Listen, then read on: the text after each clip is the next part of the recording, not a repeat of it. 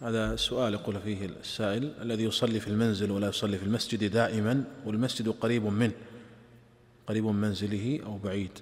آه هذا السؤال سئل عنه النبي صلى الله عليه وسلم والذي سأله رجل أعمى رجل أعمى ليس له قائد يقوده للمسجد. والحديث صحيح مسلم قال يا رسول الله إني رجل أعمى وليس لي قائد يلائمني هل تجد لي رخصة أن أصلي في بيتي؟ ماذا قال النبي عليه الصلاة والسلام؟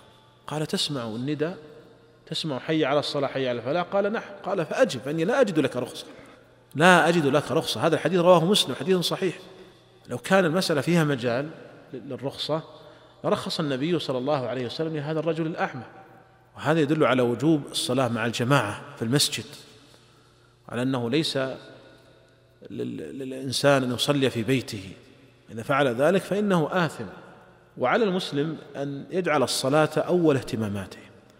إذا وجد الاهتمام في قلب الإنسان فسيجد من الوسائل ما يعينه على أداء الصلاة في وقتها والله يا أخوان أني أرى اناسا يعني لا تكاد تفوتهم الصلاة مع الجماعة في المسجد. لا في صيف ولا شتاء. أنا كنت إماما لأحد المساجد أحد الجوامع ثلاثا وعشرين سنة. وهناك أناس من كبار السن لم تفتهم الصلاة قط. في جميع أيام السنة لا صيف ولا شتاء ولا ربيع ولا خريف. بل إذا لم يصلي معنا عرفنا أنه إما مسافر أو مريض. ولو وقتا واحدا. خاصة الفجر. الفجر إذا غاب عن الفجر عرفنا أنه إما مسافر أو مريض. فالخير لا زال ولله الحمد في هذه الأمة. المسألة هي مسألة اهتمام وإنها لكبيرة إلا على الخاشعين. الإنسان إذا اهتم بالشيء سيجد من الوسائل ما يعينه. ولهذا نجد الطلاب عندما يكون أيام الاختبار يعني عندما يحين موعد الاختبار نجد جميع الطلاب يحضرون في الوقت المحدد. لم نجد يوم من الأيام طالبا يقول والله أنا نومي ثقيل. اعذروني نومي ثقيل. لأنه يعرف بأنه إذا تأخر عن الاختبار فإنه سوف يحرم. وهكذا أيضا من عنده موعد طيران. تجد أنه يحضر المطار قبل إقلاع الطائرة بوقت كاف. ولا يعتذر بأن نومه ثقيل أو انه مشغول أو لماذا؟ لأنه وجد الاهتمام. فإذا وجد الاهتمام سيجد الإنسان من الوسائل ما يعينه على أداء الصلاة في وقتها في المسجد. ولن يعني يكون له عذر أو تبرير. أما عندما تكون الصلاة هي آخر اهتمامات الإنسان فسيجد ألف عذر وعذر وسيجد تثاقلا وكسلا. فليجعل المسلم المحافظة على الصلاة مع الجماعة في المسجد مبدأ له في الحياة. يجعلها أول اهتماماته. يجعلها أول اهتماماته. كان الصحابة رضي الله عنهم يحرصون على صلاة الجماعة حتى يقول ابن مسعود ولقد رأيتنا وما يتخلف عنها إلا منافق معلوم النفاق ولقد رأيتنا يؤتى بالرجل يهادى بين الرجلين حتى يقام في الصف. مع أنه مريض ما يستطيع أن يمشي. ومع ذلك يأتي يهادى بين الرجل يعضد له اثنان واحد عن يمينه وواحد عن شماله. واحد عن يمينه والآخر عن شماله حتى يقام في الصف.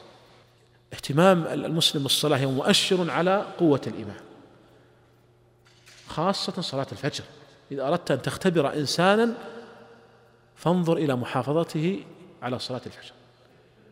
فمن يحافظ على صلاة الفجر هذا دليل على صدقه مع ربه عز وجل. ولهذا ورد هذا الفضل من صلى الصبح فهو في ذمة الله. يعني لا يصلي الصبح في جماعة ويحافظ عليها إلا صادق مع ربه عز وجل. ما معنى الطمأنينة في الصلاة؟ الطمأنينة في الصلاة آه، قد آه، ضبطها بعض الفقهاء قالوا السكون وإن قل. يعني أن يسكن حتى تعود مفاصله إلى مواضعها. ولكن هذا لا ينضبط. الأقرب الله أعلم هو أن يطمئن بقدر ما يأتي بالذكر الواجب. يعني يطمئن بقدر ما يأتي مثلا بسبحان ربي العظيم مرة واحدة. والأكمل يعني ألا يستعجل خاصة الإمام. لأن الإمام إذا سبح عشر تسبيحات فالمأموم لا يستطيع أن يسبح خلفه إلا يمكن ست أو سبع. وإذا سبح الإمام ثلاث يمكن المأموم ما يستطيع إلا مرة واحدة. فإذا سبح الإمام مرة واحدة ربما المأموم لا يستطيع. فعلى الإمام أن يراعي أحوال المأمومين. كما قال عليه الصلاة والسلام واقتدي بأضعفهم وأما من من يصلي صلاة لا يطمئن فيها بحيث يسرع إسراعا لا يستطيع أن يأتي بالذكر الواجب فهذه لا تصح صلاته ولو صلى ألف صلاة. ما صحة حديث أنه لا تقبل صلاة المسبل؟ حديث ضعيف لا يصح. قد صحه بعض المتأخرين لكن آه، عند المحققين الحديث ضعيف لا يقبل الله صلاة رجل مسبل حديث ضعيف. ولكن الإسبال محرم فإن كان عن خيلاء قد ورد فيه الوعيد الشديد من جر ثوبه خيلاء لم ينظر الله إليه يوم القيامة وإن كان عن غير خيلاء فالقول الراجح أيضا أنه محرم. لقول النبي صلى الله عليه وسلم ما أسفل من الكعبين ففي النار. نويت السفر قبل دخول وقت العصر. هل أصليها جمع وقصر وتقديم مع الظهر أم جمع وقصر وتأخير العصر والظهر؟ النية غير مؤثرة إنما المؤثر هو مفارقة العمران. فلو نويت السفر قبل دخول وقت العصر فإنك تصلي العصر أربع ركعات. بل حتى لو بدأت في السفر يعني إنسان مثلا يريد أن يسافر لمكة وركب سيارته وصلى في إحدى محطات الوقود في مدينة الرياض فإنه يصلي أربع ركعات حتى يفارق العمران. ولذلك في حجة الوداع صلى النبي صلى الله عليه وسلم الظهر في مسجده أربع ركعات مع أنه أنشأ السفر بدأ السفر وصلى في ذو الحليفة ركعتين لأنه ذو الحليفة قد فارق العمران. فالعبرة إذن بمفارقة العمران. أما مجرد النية فهي غير مؤثرة. لكن لك لك حتى بعد الأذان أن تسافر. وإذا صليت آه، في أثناء الطريق بعد مفارقة العمران فهنا تريد الآن أن تصلي صلاة قد دخل وقتها عليك في الحضر وأنت تريد أن تصليها في السفر. يعني أذن العصر وأنت في الرياض وتريد أن تصليها في الطريق بعد مفارقة العمران. هل تصليها ركعتين أم أربع ركعات؟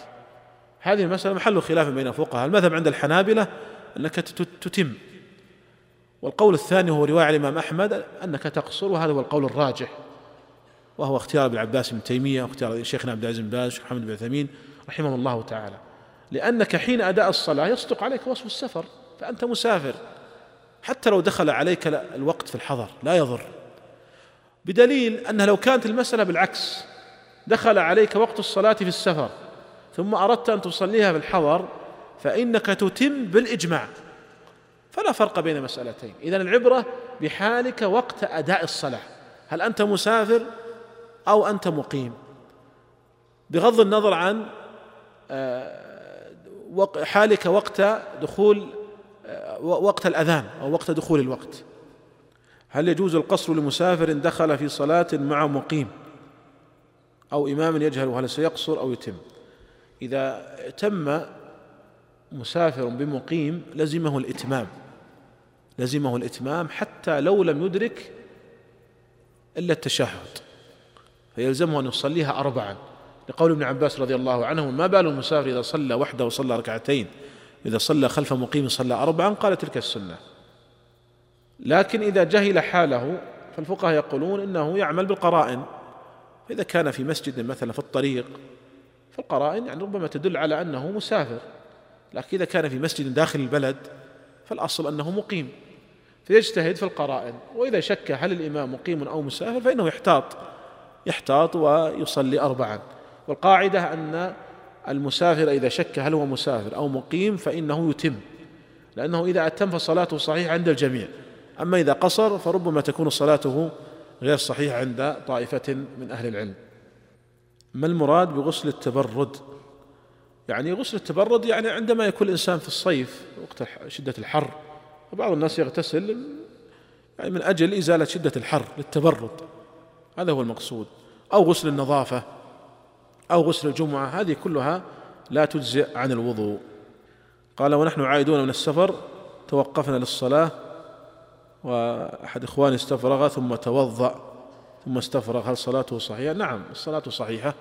القي لا ينقض الوضوء أرجح أقوال أهل العلم لأنه ليس هناك دليل ظاهر يدل على أن القيء ينقض الوضوء. ولو كان ينقض الوضوء لبينه النبي صلى الله عليه وسلم للأمة بيانا واضحا ولا اشتهر ونقل كما نقل أن البول والغائط وسائر النواقض أنها تنقض الوضوء. أما القيء فليس هناك دليل صحيح يدل على أنه ينقض الوضوء فعلى هذا صلاة أخيك صحيحة قال إذا دخل الإنسان قبل أذان الظهر بعشر دقائق يصلي النافلة أو تحية المسجد ركعتين أم لا. بعشر دقائق لم يبدأ وقت النهي. سبرت وقت النهي فوجدت أنه يكون قبيل الأذان بنحو خمس دقائق تقريبا. خمس دقائق. أما عشر دقائق فالذي يظهرنا حتى الآن ما دخل وقت النهي. وقت النهي يعني عند منتصف النهار يسير يسير ليس طويلا.